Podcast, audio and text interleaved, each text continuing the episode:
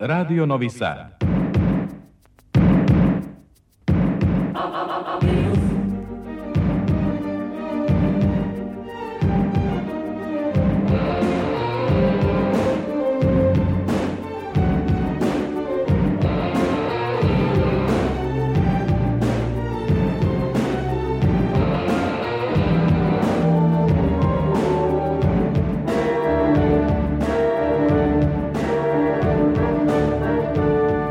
Spektar.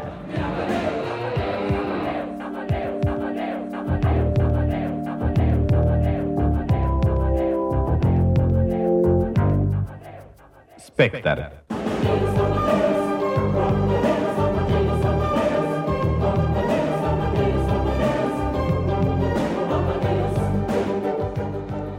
Dobro veče, ja sam Tatjana Novčić-Matijević, počinje Spektar, magazin za kulturu i o kulturi. Dobra vest je da je okončana letnja pauza. Kalendar zbivanja u kulturi polako se puni značajnim ili manje značajnim odrednicama. Održane su ili su u pripremi premijere filmova, neki festivali su okončani, drugi kreću naredne sedmice. Jedna od loših vesti je da se prvi put u istoriji Niškog filmskog festivala, dugoj 58 godina, poznato i kao glumački susreti, desilo da glumci bojkotuju – Većina njih nije se pojavila na Niškoj tvrđavi, sledeći poziv Predraga Mikija Manojlovića da bojkotuju novog predsednika Esnafskog udruženja Raska Jankovića, koji je umetnički direktor Niškog festivala. Te tako ne znamo ni e, ko je dobio nagrade Grand Prix Nice, cara Konstantina, caricu Teodoru i još šest drugih glumačkih nagrada, niti imamo informacija da li se neko od njih pojavio na letnjoj pozornici na Niškoj tvrđavi. Ipak, iz Niša, a u spektru priča o filmu Što se bore misli moje, pa izbreše o tome kako oživeti bogato kulturno-istorijsko nasleđe. Najavljujemo je Međunarodni Novosadski književni festival koji počinje u ponedeljak. Potom Novosadski strip vikend i Evropsku konferenciju o moći žena u stripu i novu sezonu u Srpskom narodnom pozorištu. Naša audio adresa je 87,7, 99,3 i 99,6 MHz ultrakratkih talasa, a digitalna sajt Radio Televizije Vojvodine.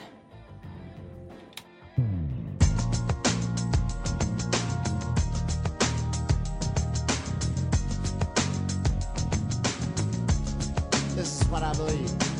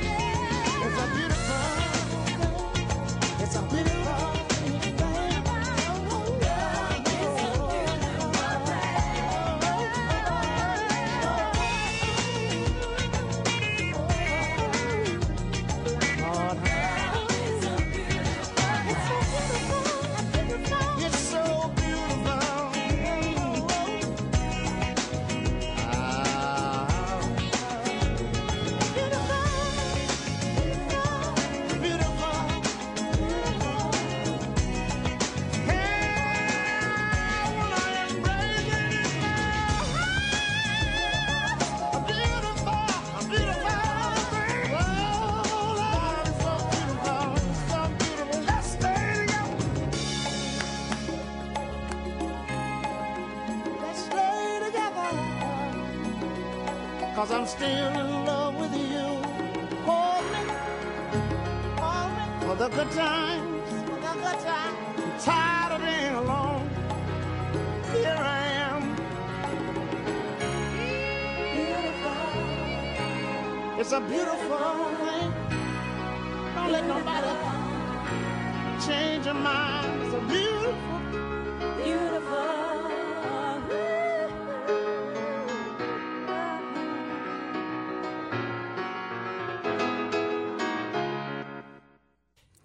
58. filmski susreti u Nišu okončani su večeras dodelom nagrada. Sinoć je na letnjoj pozornici bila premijera filma Što se bore, misli moje. Politički triler, kako ga je definiše scenarista i reditelj Milorad Milinković. Govori o poslednjih sedam dana života kneza Mihajla Obrenovića u oči atentata 1868. i događajima koji su usledili. Za 15 dana film će imati besplatnu projekciju u Kragujevcu, rodnom gradu Kneza, na svečanosti povodom 200. godišnjice od rođenja velikog reformatora. Beogradska premijera biće 20. ovog meseca. Sa Miloradom Milinkovićem u oči premijere na Niškom festivalu razgovarao je Goran Vukčević.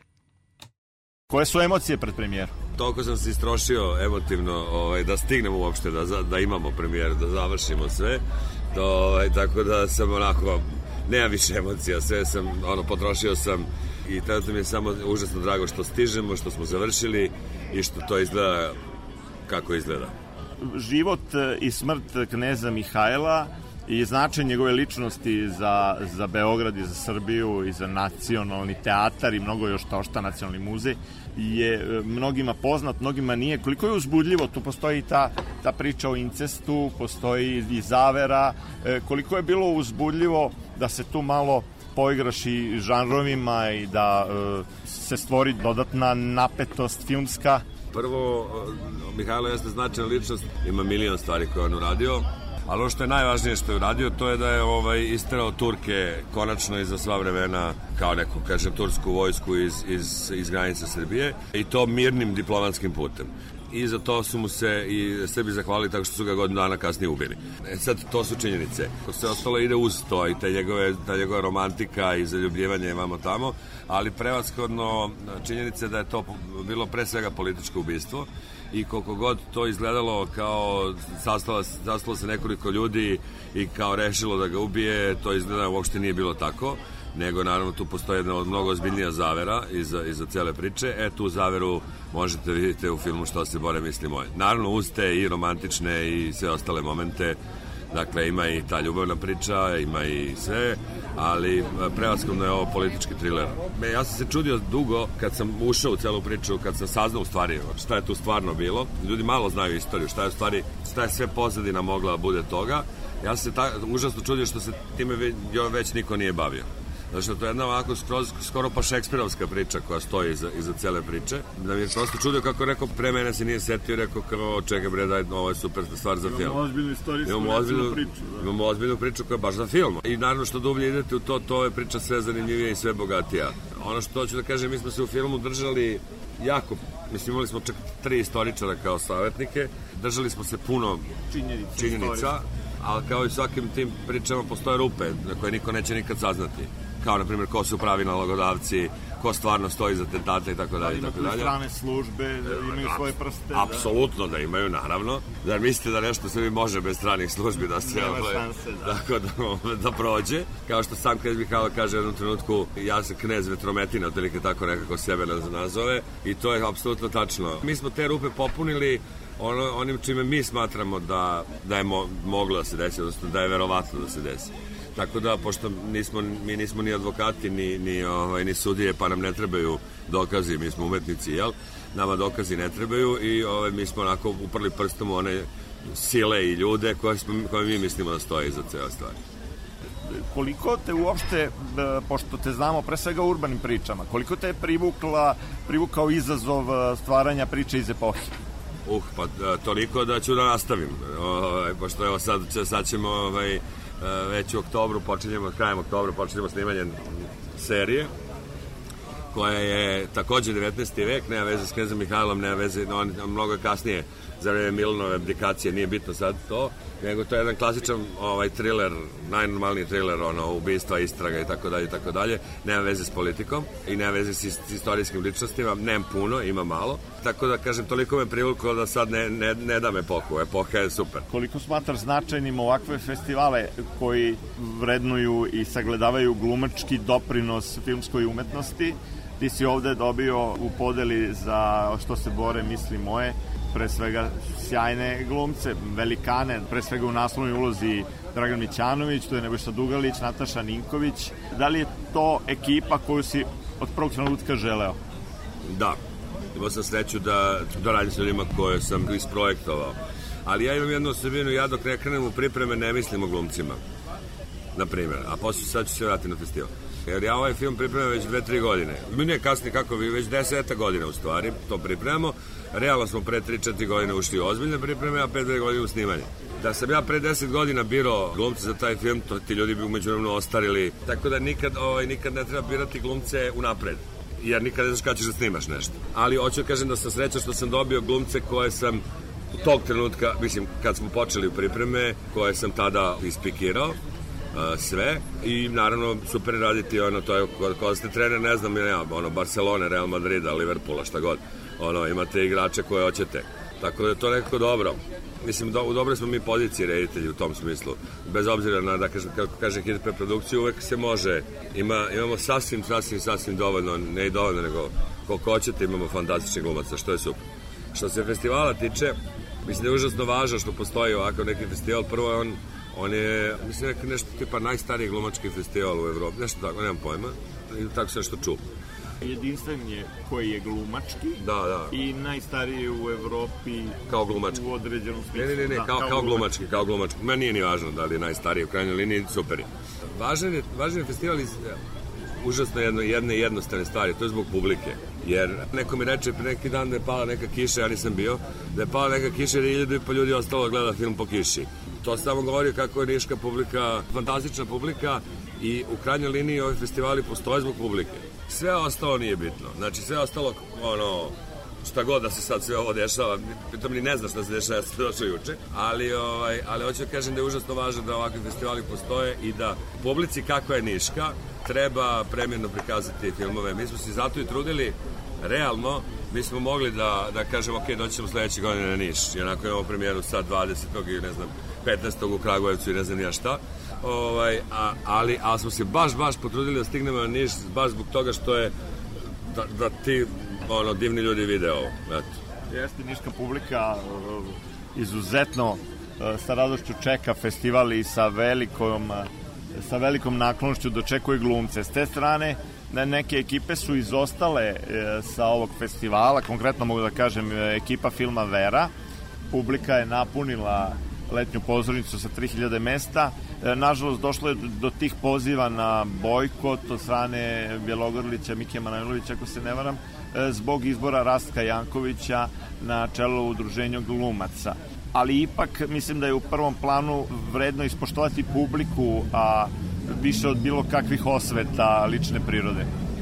Politički. Da, neću još da ulazim u to jer ne znam tačno o čemu se radi. Kažem, juče sam došao i nemam pojma, a pre toga smo završavali film. Da, to je tema da, ovde. Da, jeste, ali u suštini ne, ne znam o čemu se radi, ali ono što mi je sigurno mišljenje da je, da je sve besmisleno kad, kad, kad mislite o publici, a treba misliti o publici, a ne o, naravno, ličnim, bilo kakvim političkim ovim, onim...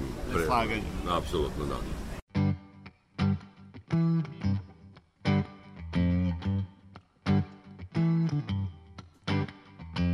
She's sending me emails, texts, and voicemails too. You know this new job just will never do.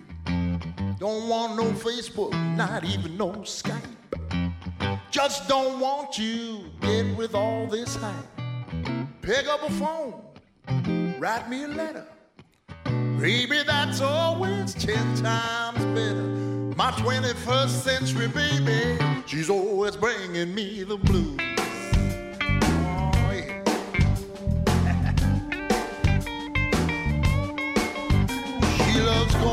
Price Club.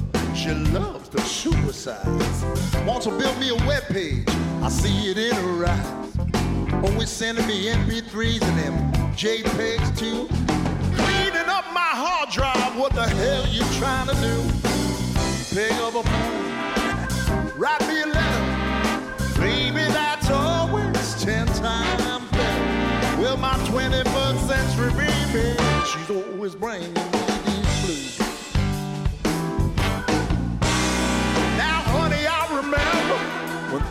Weren't so crazy. I really want to learn. I'm not trying to be lazy. I'd love to see a movie, maybe read a book at home. But all you want to do is look down at that phone.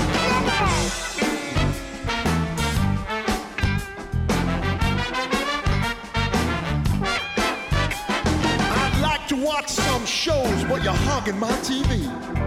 CNN, Fox, and spending my money on QVC. Ebola, ISIS, Donald Trump, and all your reality shows. While you're dancing with the stars, I'll be snoring out my nose. Pick up a phone, write me a letter. Baby, that's always ten times better. Well, my 21st century baby, she's always bringing me the blues.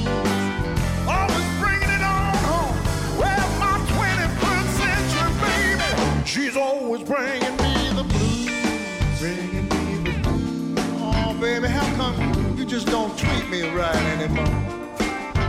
Uh-huh. Bringing me the blues. You're, say you're busy on the net, clearing out all your spam, I guess. Bringing me the blues. Easy pass, Twitter, putting all of them silly pictures on Instagram, baby. Me at three in the morning saying you want to have some sex. I'm not sure who started all this stuff anyway.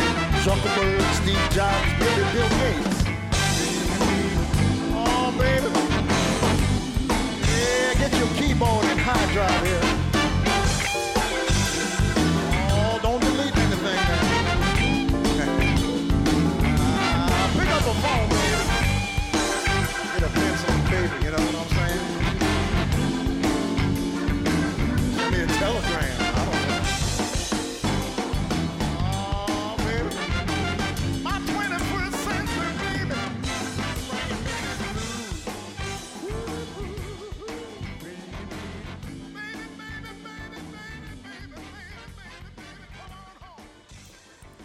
U pola 11 u spektru priča druga.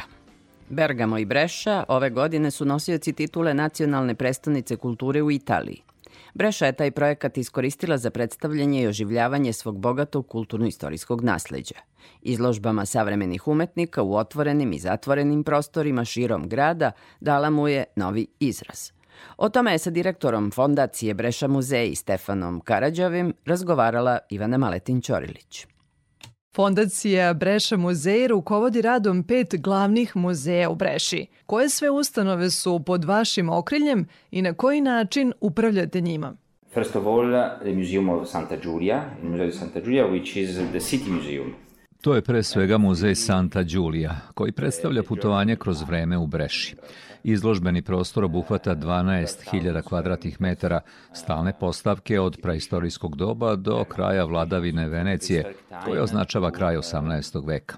Dakle, veoma dug period. Posvećen je našim najvažnijim arheološkim nalazima, rimskim i langobardskim. Zapravo, Briskija je veoma važan centar u Rimskom carstvu. Kasnije, u 6. i 7. veku, postala je jedna od kolevki langobardske vlasti u Italiji.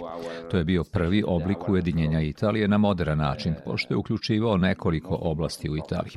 Santa Giulia je sa arheološkim parkom uvrštena na UNESCO-vu listu. Smeštena je u manastir koji je osnovao Desiderio, kralj Langobarda. Predstavlja jedinstvenu kombinaciju arhitektonskih stilova, Iz rimskog doba posetioci mogu da vide domus sa mozaicima, kao i transformaciju domusa od strane Langobarda u Langobardsku baziliku San Salvatore. Zastupljeni su i romanski i normanski stil iz 12. i 13. veka u oratorijumu Santa Maria in Solari. Dakle, to je veliki arheološki kompleks koji se sastoji od različitih muzejskih krila sa više od 3.500 eksponata. Arheološki park Brixija je jedinstvena arheološka lokacija sa ostacima ruševina, ali i dva hrama. Hramom iz prvog veka pre nove ere iz doba Republike koji se nalazi ispod nivoa zemlje sa oslikanim zidovima i dostupan je za posetioce. Na vrhu je kapitol iz carskog perioda koji krije ikonu naše kolekcije, bronzanu statu Krilata pobeda. Takođe imamo i rimski teatar. Treći muzej kojim upravlja fondacija Breša muzej je Pinakoteka Tozio Martinengo, posvećena slikarstvu i dekorativnim umetnostima. Baštini slike od 14. do 19. veka iz perioda gotike i renesanse sa dva Rafaelova dela. Breša je jedini grad u severnoj Italiji sa dve Rafaelove slike pod istim krovom, kao i poznatim delima brešanskih i lombardijskih predstavnika realizma. U sklopu dvorca u Breši nalaze se dva muzeja. Prvi je muzej oružja Luigi Marcoli, pošto Breša ima dugu tradiciju vladanja oružja. Brešani su u periodu od 15. do 18. veka angažovali majstore u oružarskom zanatu iz cele Evrope i Južne Amerike kako bi usavršili zanat izrade oružja. Dakle, u pitanju je velika kolekcija oružja, štitova i oklopa. U dvorcu je smešten i muzej nacionalne borbe za nezavisnost, muzej Risorgimento. Reč je o interaktivnom muzeju sa pregršt digitalnih sadržaja koji je obnovljen povodom godine titule Nacionalne prestonice kulture, koju ove godine Breša deli sa Bergamom. To je ujedno i brešanska druga pinakoteka, budući da posjeduje veliku kolekciju slika iz 20. i 21. veka, kojom takođe upravlja fondacija Breša muzeji. Fondacija je zapravo prva agencija za kulturu grada. Koristimo nasleđe da raširimo ideju o Breši kao o gradu kulture. Na tome intenzivno radimo već decenijama, a titula je za nas bila neka vrsta podsticaja i krajnji cilj tog dugog procesa oporavka našeg nasleđa. U poslednjih deset godina obnovili smo i restaurirali mnogi objekte za kulturu. Pinakoteka je otvorena 2018. godine, statua Krilata pobeda je smeštena u Kapitol 2020. godine nakon duge restauracije, a danas možemo da se pohvalimo i sa novim muzeom Risorgimento. Taj put je bio moguć zahvaljujući fondaciji. Mi nismo samo muzej, već neprofitna firma koja koristi svoje resurse. Pet muzeja ne bili podstakla strategiju kulturnog razvoja grada, kako putem izložbi, tako i putem izdavaštva i promocije našeg istorijskog nasleđa širom sveta. Koji su glavni prioriteti u vašem radu? Kako uspevate da organizujete rad različitih vrsta muzeja namenjenih raznovrsnoj publici? The basis of my strategy is to uh, valorize the uh, knowledge Moja strategija počiva na valorizaciji znanja naših konzervatora i kustosa. Imamo četiri kustosa od kojih je svaki specijalizovan za određeni period. Nastojimo da im pružimo priliku da iskažu svoje veštine kroz brojne nacionalne i međunarodne saradnje sa muzejima i drugim kulturnim institucijama širom sveta. Primera radi, pre izbijanja ukrajinske krize, organizovali smo razmenu sa Ermitažom u Sankt Petersburgu. Postavili smo novu izložbu u kapitolu 12. jula pod nazivom Bokser i pobeda. Iz Nacionalnog rimskog muzeja stigla je u Brešu impresivna bronzana statua sedećeg boksera, koja se na izložbi našla u dijalogu sa našom skulpturom Krilate pobede u jedinstvenoj instalaciji španskoj arhitekte Juana Navara Baldevega. Saradnja sa najboljim svetskim muzejima nam pomaže da podignemo našu reputaciju kao stručnjaka i kao institucije. Istovremeno vrlo smo agresivni u komunikaciji u predstavljanju našeg grada. Kulturnim radnicima to često nedostaje. Moramo biti promišljeni kada je reč o promociji i izboru odgovarajućeg sredstva promocije. Jedno od njih je upotreba savremene umetnosti za dijalog sa našim nasleđem. Na primjer, u Pinakoteci Tozio Martinengo. Aktuelna je izložba američkog fotografa Davida LaChapella, koga smo zamolili da napravi originalnu seriju fotografija na temu urbanog siromaštva zato što je izložba smeštena u Pinakoteci u dvorani gde su obično radovi Đakoma Čerutija. Ako budemo šetali kompleksom Santa Giulia u arheološkom parku, vidjet ćete još jednu izložbu čiji je autor Fabricio Plessi. Savremeni italijanski digitalni umetnik je radio na monumentalnim instalacijama koristeći svoju poetiku sa digitalnim alatima i zlatom, praveći specifične instalacije. Ukoliko se odlučite da posetite dva muzeja u sklopu dvorca, Ne možete da ne primetite velike gorile, statue italijanskog savremenog umetnika Davida Rivalte. Pozvali smo ga da realizuje izložbu na otvorenom sa 14 originalnih gigantskih dela rađenih u bronzi. Postavili smo ih u dvorcu gde je nekada postojao zološki vrt. Promenili smo perspektivu i sada vidimo ove primate kako osvajaju mesto gde su nekada bili zatvoreni. To je način na koji radimo. Koristimo savremenu umetnost za promociju našeg istorijskog nasleđa. That's the way we work uh, via contemporary art as a mean of uh, promoting our historical heritage.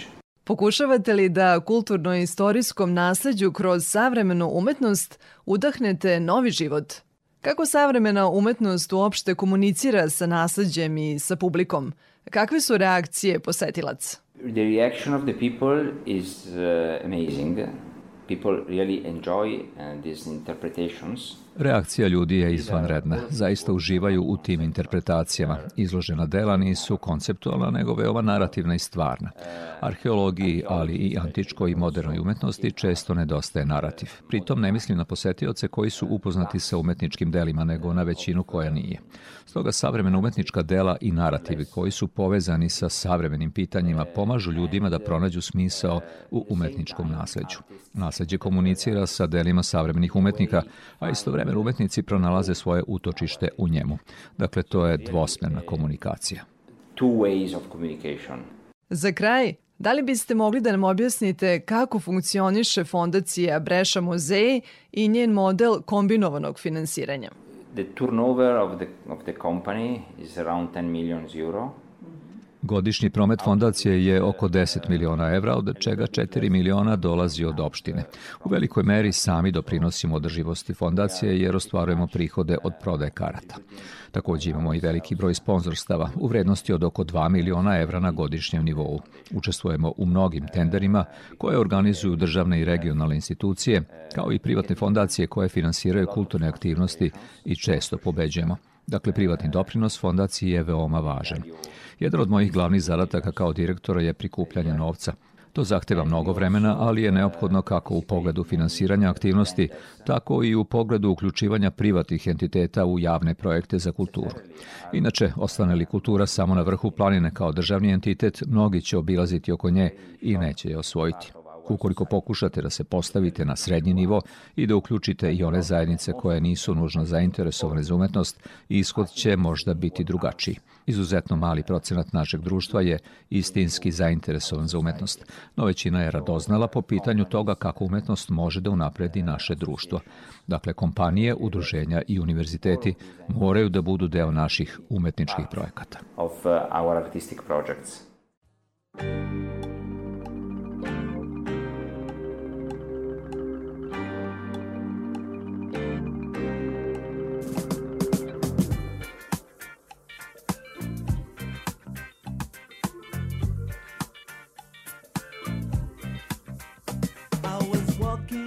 Down the street, concentrating on trucking right. I heard a dark voice beside of me, and I looked round in a state of fright. I saw four faces, one man, a brother from the gutter. They looked me up and down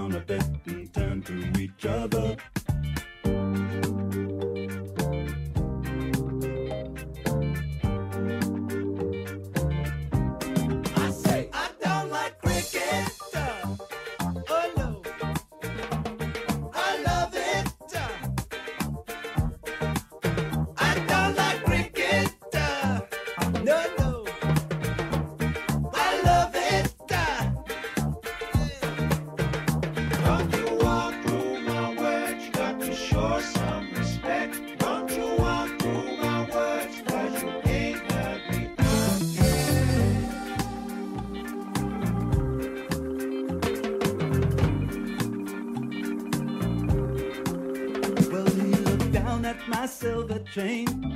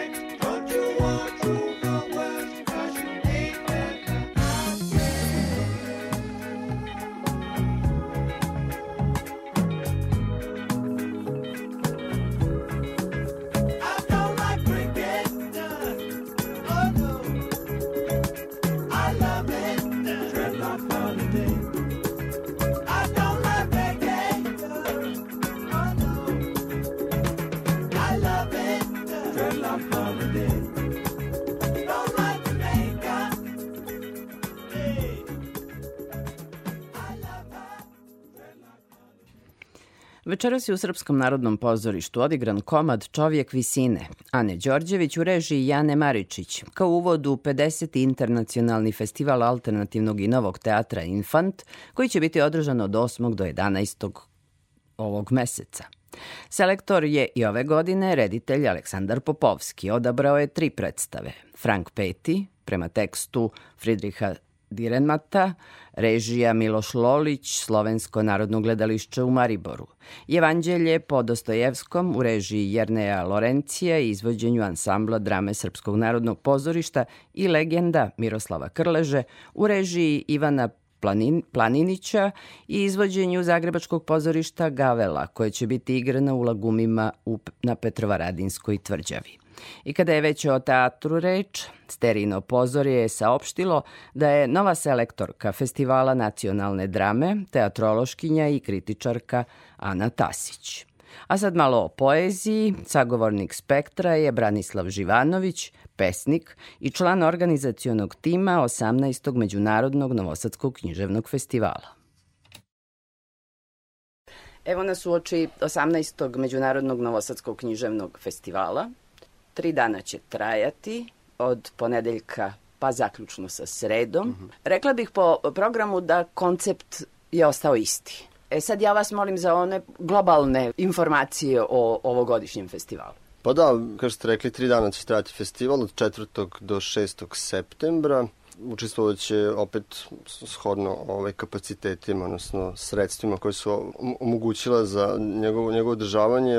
Okuplja ne znam, 30 učesnika, što naučnih radnika, kulturi, mislilaca, filozofa, što samih ne, pesnika i pesnikinja i ove godine shodno tome kapacitet jeste smanjen, ali im takođe imamo dosta, to je nekoliko, da kažemo, ipak preciznije učesnika iz inostranstva. Tu bih izdvojio, mislim, izdvojio jedino koji su, koji su iz inostranstva, Erik Sarne iz Francuske, dakle Peter McKay iz Velike Britanije, Vesna Cevska iz Severne Makedonije i Sande Stojčevski iz Severne Makedonije, a pored ovih autora iz inostranstva, tu će se publici takođe predstaviti i domaći autori i autorke, pre svega iz ovih možda Radmila Lazić kao možda najzvučnije jedno ime onako sa jednom reputacijom i važno za našem opšte savremenom poeziju. Takođe tu pored nje i Vojislav Karanović, ali Pero Zubac, Slavko Almažan, Slobodan Zubanović, e, Besede Šištvan, Rajca Drgićević i Julija Kapurnja i David Kecman Dako, a od tih pesnikinja, da kažem nešto mlađe generacije, odnosno srednje sad već, ali mlađe bar u ovoj liniji, e, a svakako dosta značajne, Dragana Mladenović i Jasmina Topić. Ako smem da primetim, da li mi se pogrešno čini ili je negde ipak intencija bila da budu više zastupljene pesnikinje nego što je to bivalo prethodnih godina?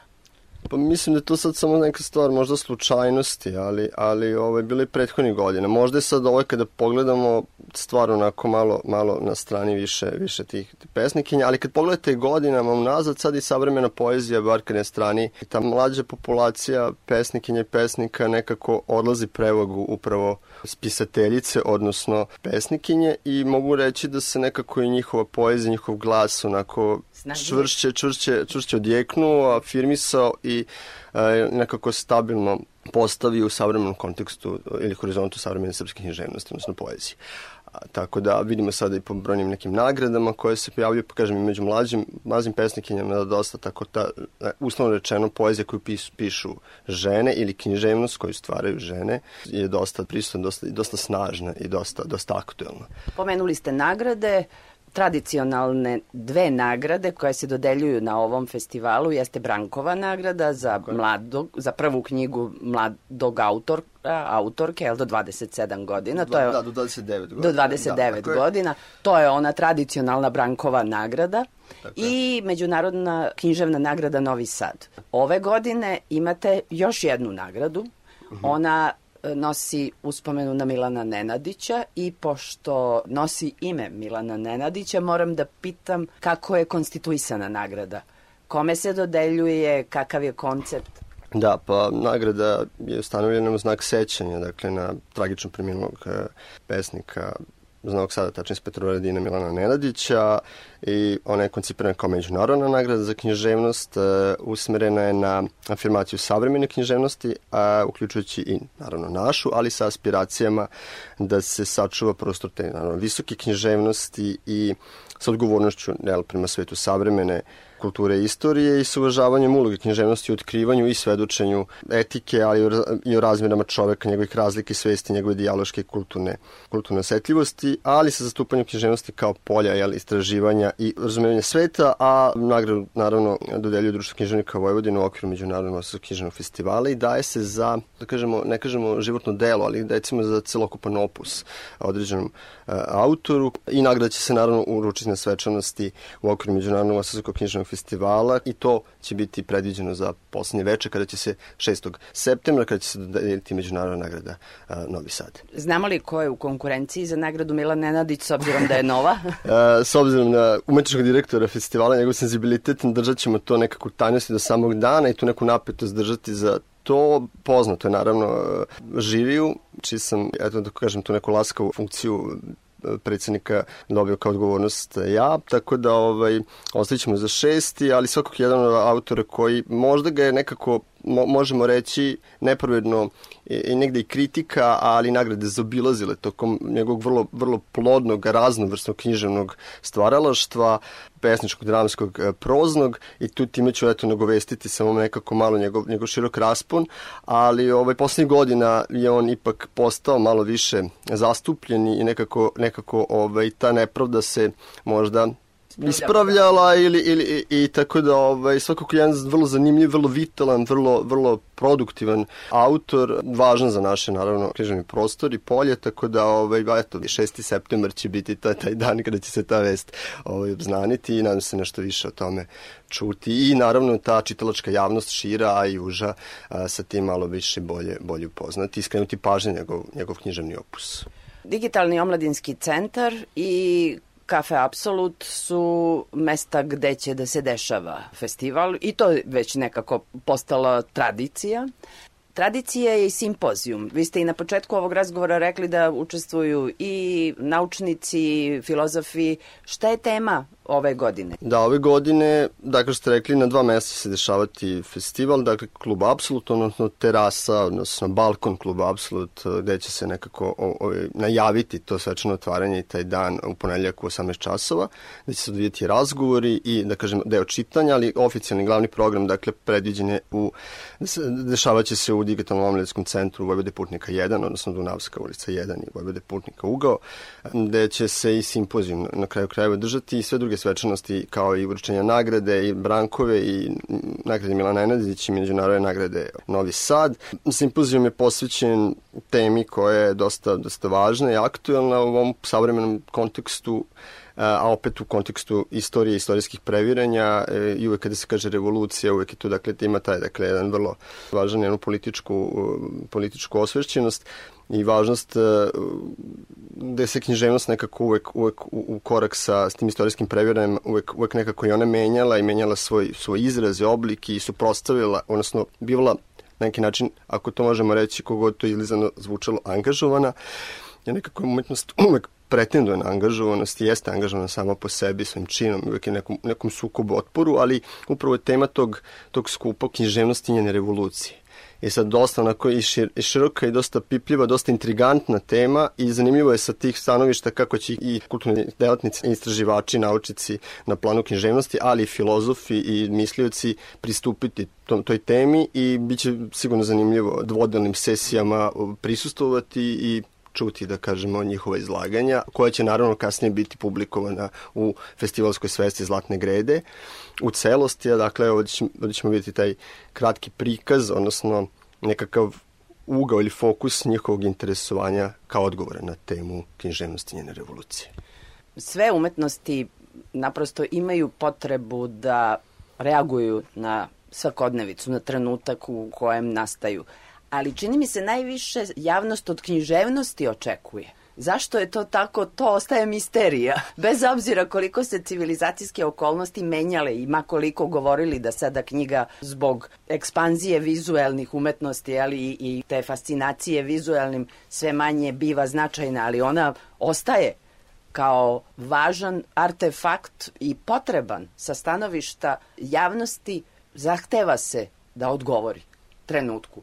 Tako da te revolucije čini mi se u pravo vreme stižu. Pa dosta su... Odnosno priče o revolucijama. Jesu, važne su i kroz godine ili vek gledano i prethodni i ovaj, dakle, dešavaju se, možda su minimalne, ali se, ali ti pomaci i nekako, nekako ovaj, e, potreba da se nešto, da kažem, nešto reformiše, dešava, možda sporo, možda, možda plahovito, naglo, ali potreba za tim svakako ne jenjava. U tim, tom smislu nekako, što ste rekli, vezano za samu poeziju i književnost, književnost, generalno umetnost, ako ćemo u širnom kontekstu, jeste toplomer društva i uvijek neposredno reaguje na dešavanja koja su često, često aktualne politička dešavanja i ne može da ostane autistična e, nekako nema na te događaje senzacije koje dolaze s polja, naročito ako uzmete određene umetnike kao vrlo, vrlo osetljiva bića na, na spoljne faktore koji možda prođu ne, nekako neprimećeno, ali on ih nekako detektuje i važno je da se dobivaju zabeležena, promišljena, artikulisana i da taj način pozivaju na neku vrstu budnosti, pobune, ono što književnost, možda poezija na jedan specifičan način svakako radi i u tom smislu i taj slogan ovogodišnjeg festivala poezija je pronađeno ja, nekako sugeriše upravo na tu potrebu da se, da se, da se svet kom živimo promisli, da se u toj otuđenosti možda u kojoj se nalazimo nađemo ipak iznova sebe i da se ta osetljivost, empatija koja nam toliko vidimo ovih e, poslednjih godina izostaje nekako, nekako kroz tu književnost, kroz tu umetnost uh, iznova vrati, učini nas osetljivima i za drugi, i za sebe, i za svet oko nas. Vi ste pesnik, I makoliko poezija nemala javnog prostora, javne afirmacije, u ostalom i kultura je sad već prilično skrajnuta. S druge strane, ne kažu zalud kritičari i oni koji promišljaju savremenu produkciju književnu da je poezija u ovom trenutku nešto najbolje što srpski jezik realizuje I vidimo da ta poezija zaista, zahvaljujući društvenim mrežama i zahvaljujući toj nekoj paralelnoj javnosti, stvarno jako dobro funkcioniše. Je li to pronađeno ja u, u jeziku poezije? ajde ovako da, da li je pronađeno, ili, ali svakako se može malo šir, širo odgovoriti na to, ali svakako jeste potraga za tim, ali potreba se to i artikuliše, da se, da se locira nekako, da se konstituiše u, sa, u savremenoj stvarnosti i da se nađe to da kažemo neka pozicija ili glas i vidimo dakle taj glas e, saopštava to što ima da saopšti.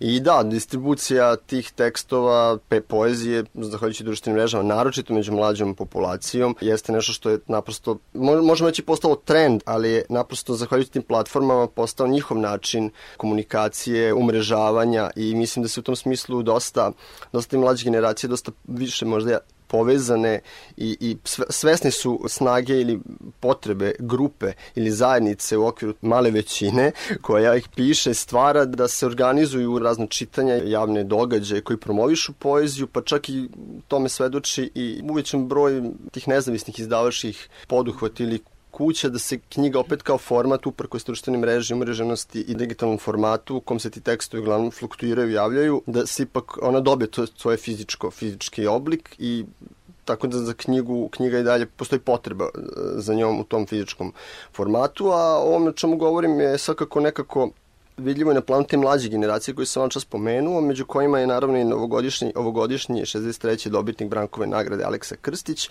gde ovaj, vidite tu potrebu da se ta poezija opet e, artikuliše, se promisli vlastita pozicija, ta jedna vrsta osetljivosti koja je kod njega u tom jednom, ajde kažem, vrlo zdravom nasleđu jednog opet e, Radičevićevskom i za jezik i za sve oko sebe i za samog sebe, e, da se tom izrazu da nekakva autentičnost, a opet vrlo osetljivost na, na savremena dešavanja i vrlo jedan, dakle, jedan politički osvešćen subjekt koji konkretno u, u njegovom uh, izrazu koji je onako dosta urban i spoj nekih nekih referenci iz pop kulture, muzike, likovnih umetnosti, e, literature naravno, sa emblematikom grada, čak Velegrada bih rekao, ili većih gradova, te neke kontrakulture, kao nekog bunta, glasa koji se, e, koji se sa, javlja sa margine, ali jasno svest to toj konstrukciji samog, e, samog outsidera i te pozicije s koje govori, ispoljava kao mesto savremenog iskustva, a opet ono što on e, naročito radi vrlo suptilno, jezički, slikovno, dosta svedeno, a opet vrlo sugestivno jeste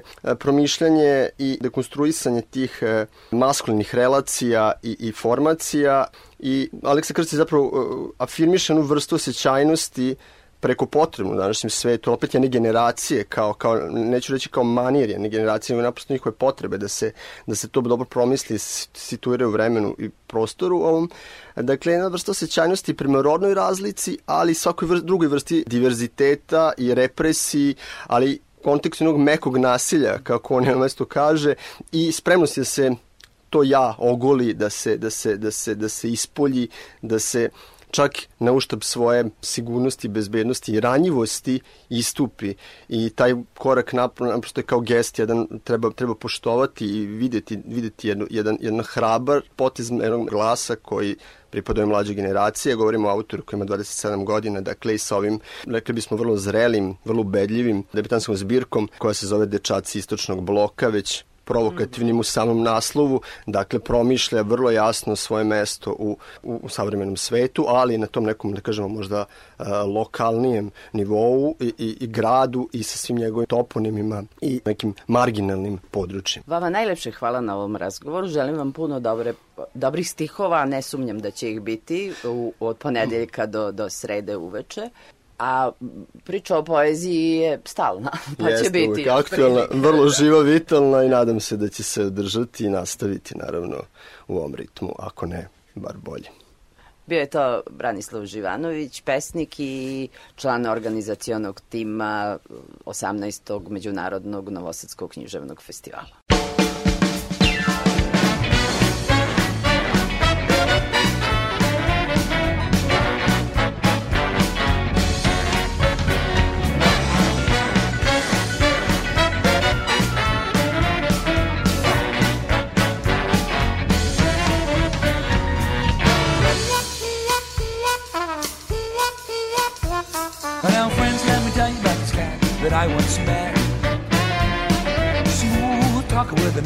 cigarette. I don't believe I ever saw him without a cocktail in his hand. And no one swings his horn to the big band voodoo band. Yeah!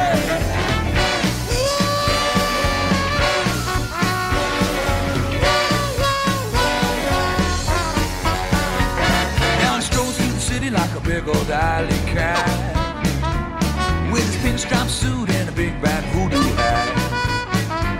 I don't believe. I ever saw him without a kitten on his hat. And no one swings his horn to the big band voodoo band. Hey, Mr. Pinstripe Suit. Hey, Mr. Heidi, Heidi, ho. Well, I know you got the answers. We all wanna know. Mr. Wingtip Shoes. Hey, Mr. Always on the go. Well, I know you got the answers. We all wanna know.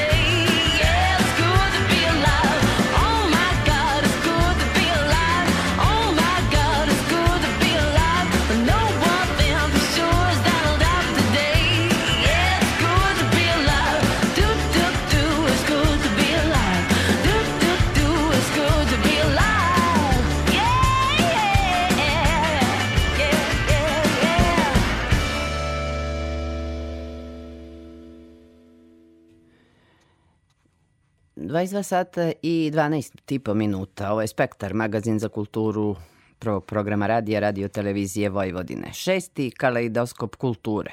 Počinje u Novom Sadu narednog četvrtka, svečanom ceremonijom na Korzu, kada će nastupiti jedan od najpopularnijih pijanista sveta i Guinnessov rekorder Peter Bence uz Vojvođanski simfonijski orkestar pod dirigentskom palicom Srboljuba Dinića. Koncert će početi u 20 sati i 30 minuta. Publika će imati priliku da čuje nesvakidašnje aranžmane pesama svetskih muzičara i poznatih filmskih hitova pod vedrim nebom, sad već tradicionalno na jednom od glavnih gradskih bulevara, Mihajla Pupina, na kojem se zaustavlja saobraćaj zarad kulture. Ulaz je slobodan, ali je broj sedećih mesta ograničen. Nakon koncerta, otvaranje kaleidoskopa kulture se nastavlja još tri dana u distriktu, od 8. do 10. predstavljajući uvod u pet nedelja i svojevrsni kaleidoskop kulture u malom. Glavni program biće premijera multimedijalnog događaja Neraskidive veze u petak u 20.30, koji će biti izveden i 9. i 10. Neraskidive veze obuhvataju jednu predstavu, tri izložbe, šest projekcija i animacija, sedam instalacija, tri pozorišta, dve srednje škole, dva fakulteta, glumce, plesače, kaskadere, slikare i druge umetnike i umetnice. Sve do 15. oktobra, dokle traje ovogodišnji kaleidoskop kulture, više od hiljadu domaćih, regionalnih, evropskih i svetskih umetnika i umetnica slaviće kulturu zajedništva i tokom pet sedmica prikazati ono najbolje od pet vrsta umetnosti – izvođačke, vizuelne, primenjene, arhitekture i književnosti u distriktu, kineskoj četvrti i u mreži kulturnih stanica.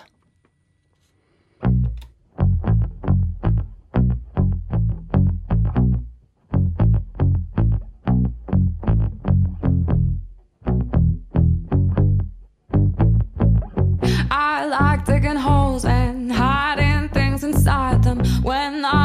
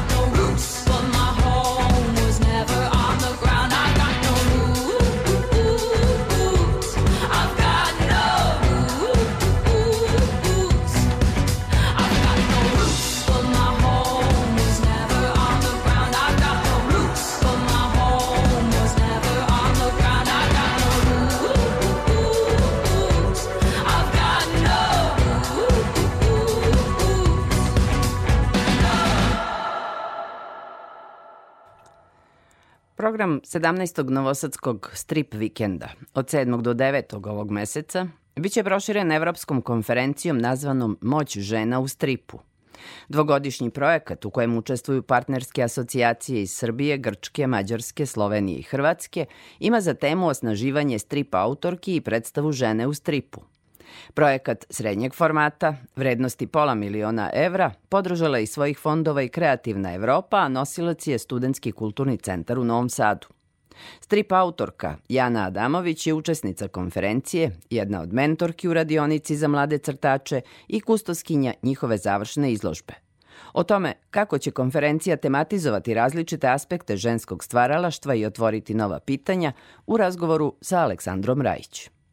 U okviru već tradicionalnog strip vikenda u Novom Sadu biće priređena i prva konferencija pod nazivom Moć žene u stripu. Sad mene zanima kako ste vi uopšte u jednoj rečenici, u jednom naslovu sklopili te tri reči Moć žena i strip, odnosno o čemu će biti reči na konferenciji u ovom projektu.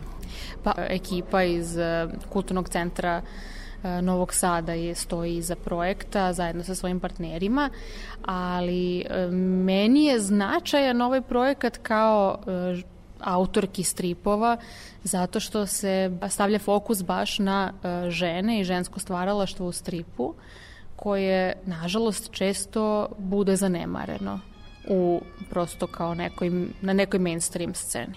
Ima li opšte žena moć u, na strip sceni? Mislim da ima. Mislim da ima. Pre svega strip kao medij je veoma moćan jer e, nam pruža priliku da ispričamo važne priče, priče koje su nama važne. E, žene su tokom istorije stripa bili veliki inovatori i unosile su teme e, koje su njima bile i dalje jesu bitne, ali onda samim tim su bitne i za celo društvo, a koje nisu bile tretirane ili uopšte ili na adekvatan način pre njihovog stvaralaštva. I drugo, e, smatram da su žene postaju sve moćnije i na samoj strip sceni i na celom svetu, zato što na, ih je, ili nas je sve više, dobijamo nagrade, jednostavno menjamo, menjamo scenu i e, imamo veći broj i umetnica i urednica i nezavisnih izdavačkih kuća. I kažete da, da se žene uglavnom bave, odnosno najčešće upravo tim angažovanim stripom, angažovanom porukom u stripu. Uh, to jeste jedno dominantnih uh, oblasti stripa koji se ba, kojim se bave. Ima takođe, recimo u Francuskoj, veliki broj žena radi u um, žanru za mlade i za decu, znači što je donekle malo i tradicionalno, ali se probijaju i u neke druge žanrove, ali da, taj neki, ta neka angažovanost i stvaranje zajednice, koliko sam ja primetila je nekako element uh, ženskog aktivizma u svim oblastima pa i u stripu. Kako vi vidite strip kao medij za promociju neke ideje? Mislim da je odličan medij upravo zato što, eto, kao što sam već pomenula, e, nam omogućava da, da ispričamo priče. Strip je pre svega pričanje priča kroz slike. Jedino što mu možda nedostaje, pogotovo u Srbiji, je nekakvo e, prepoznavanje od strane zvanične kulturne scene, od strane javnog mnjenja, e, nekako se strip i dalje smatra nižom granom, nižom vrstom umetnosti, da, onako baš i dalje smo na margini kulture u Srbiji, a gde je kultura u Srbiji to tek, ovaj, to, to je mana kad se govori sa, o stripu u Srbiji, ali je divan kao medij. Govorite, govorili ste sad o francuskoj kulturnoj sceni koju smo imali priliku da vidimo i pre par godina kada ste učestvovali u organizaciji e, izložbe Ona se budi, vi ste i aktivni na toj francuskoj sceni, zapravo e, radite, -hmm. radite naravno i na američkoj ste radili, dobili ste i Francuski Jeste. orden umetnosti i književnosti za svoje stvaralaštvo.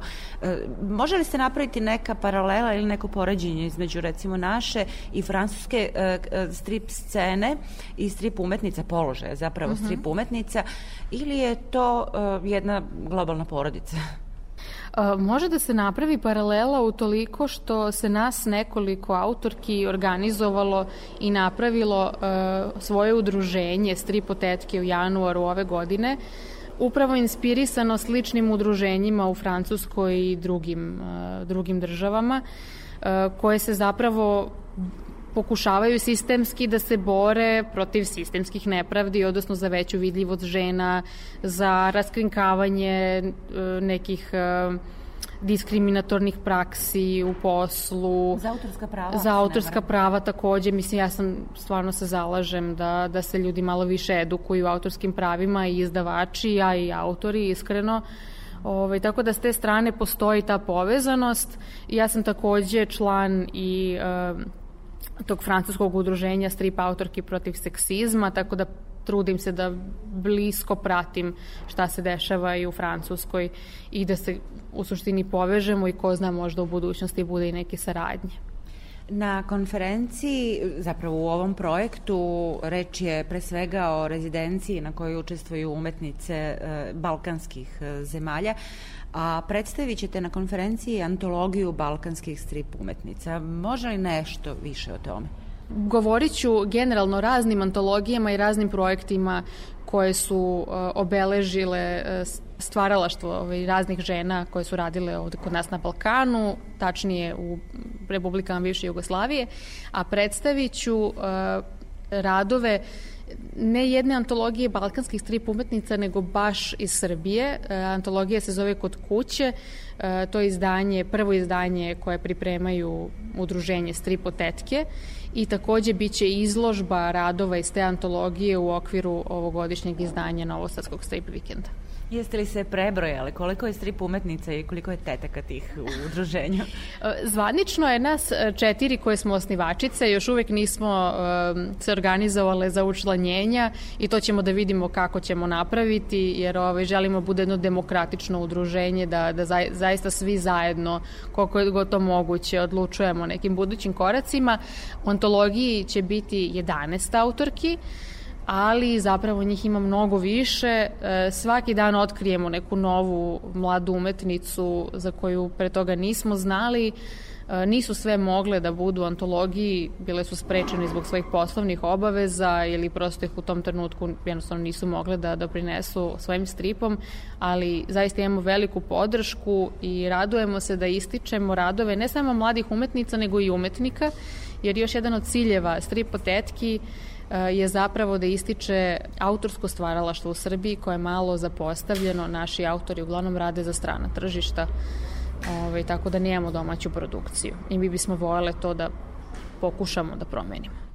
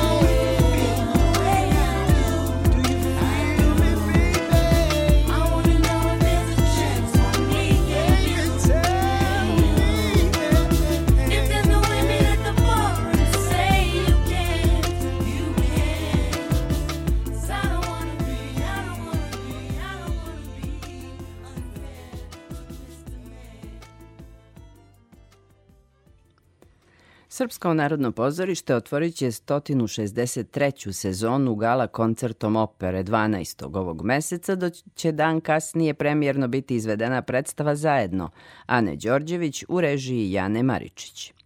Za vreme letnje pauze završena je obnova rotacije na velikoj sceni. O planovima našeg najstarijeg teatra sa upravnikom Zoranom Đerićem razgovarala je Ivana Maletin Ćorilić.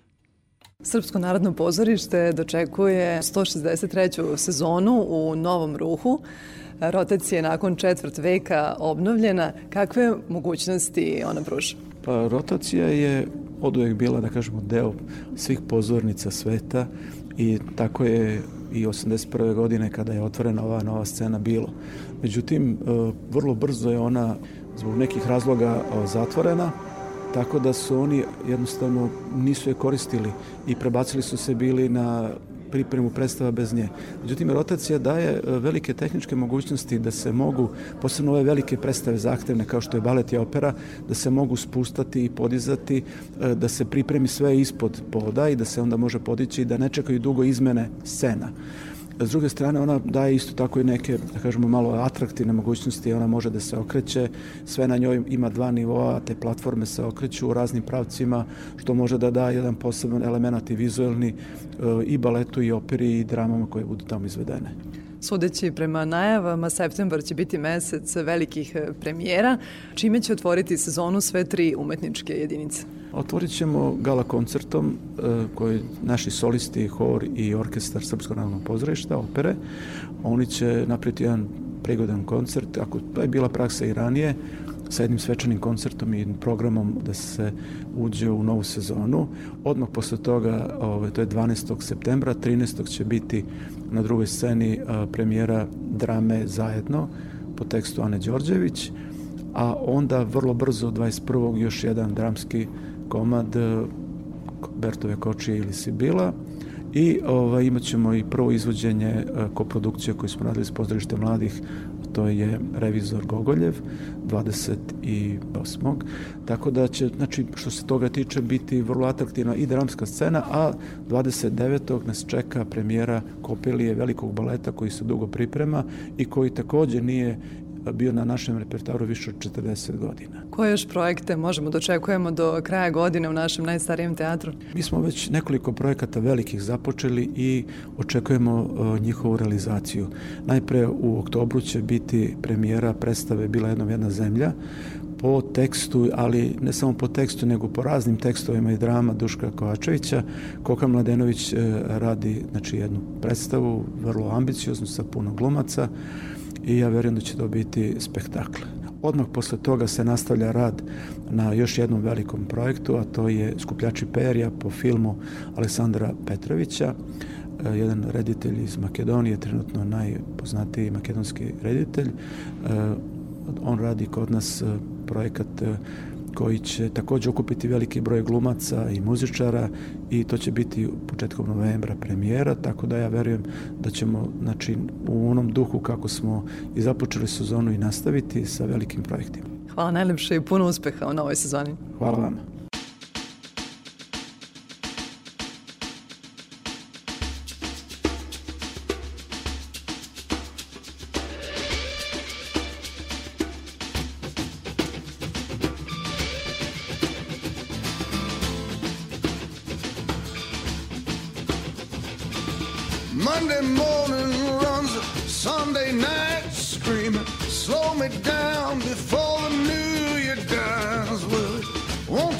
Take much to kill a loving smile and every mother with a baby crying in her arms singing, Give me help, give me strength, give a soul a night I fell asleep. Give me love give me peace. Don't you know these days you pay for everything?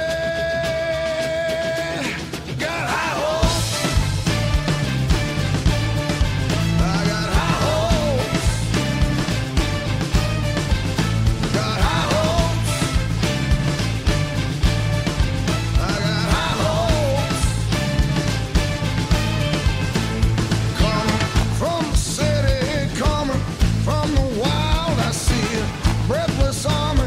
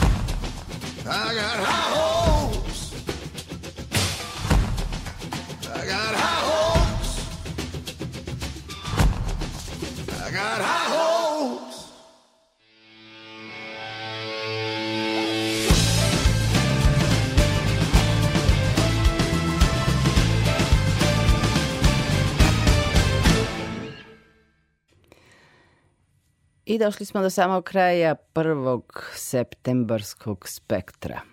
Kao što ste mogli da čujete u najavi, naredna sedmica će biti vrlo dinamična i bogata najraznovrsnijim umetničkim sadržajima i kulturnim dešavanjima. Ovu emisiju želim da završim lepom vešću, jer sam na početku rekla da ima jedna loša vest da su glumci bojkotovali Niški filmski festival. E pa večeras je drugačija slika na završnoj večeri. E, puna je letnja pozornica glumaca, tako bar e, fotografija Tanjuga pokazuje, na veliko zadovoljstvo niške publike koja je to apsolutno zaslužila svih ovih više od pet decenija, a nagrade ove godine pripale su Grand Prix Nice, pripao je Hadži Petru Božoviću za ulogu u filmu Usta puna zemlje. Cara Konstantina dobio je Denis Murić za ulogu u filmu Indigo Kristal, a caricu Teodoru Jovana Stojiljković za naslovnu ulogu u filmu Vera. Tako je odlučio žiri u kojem su bili Vladica Milosavljević, Nada Blam i Branislav Lečić. Laku noć i dobre snove želi vam Tatjana Novčić-Matijević. Čujemo se narednog petka sa novim informacijama o svemu onome što neki divni i čudesni ljudi e, rade i kreiraju stvarajući umetnost za koju mnogi misle da nije potrebna, ali postoje oni bez koji, koji bez umetnosti ne mogu.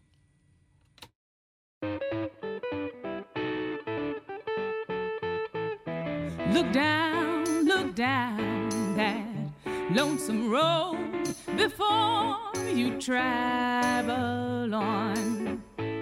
Look up, look up, and seek your maker before Gabriel blows his horn.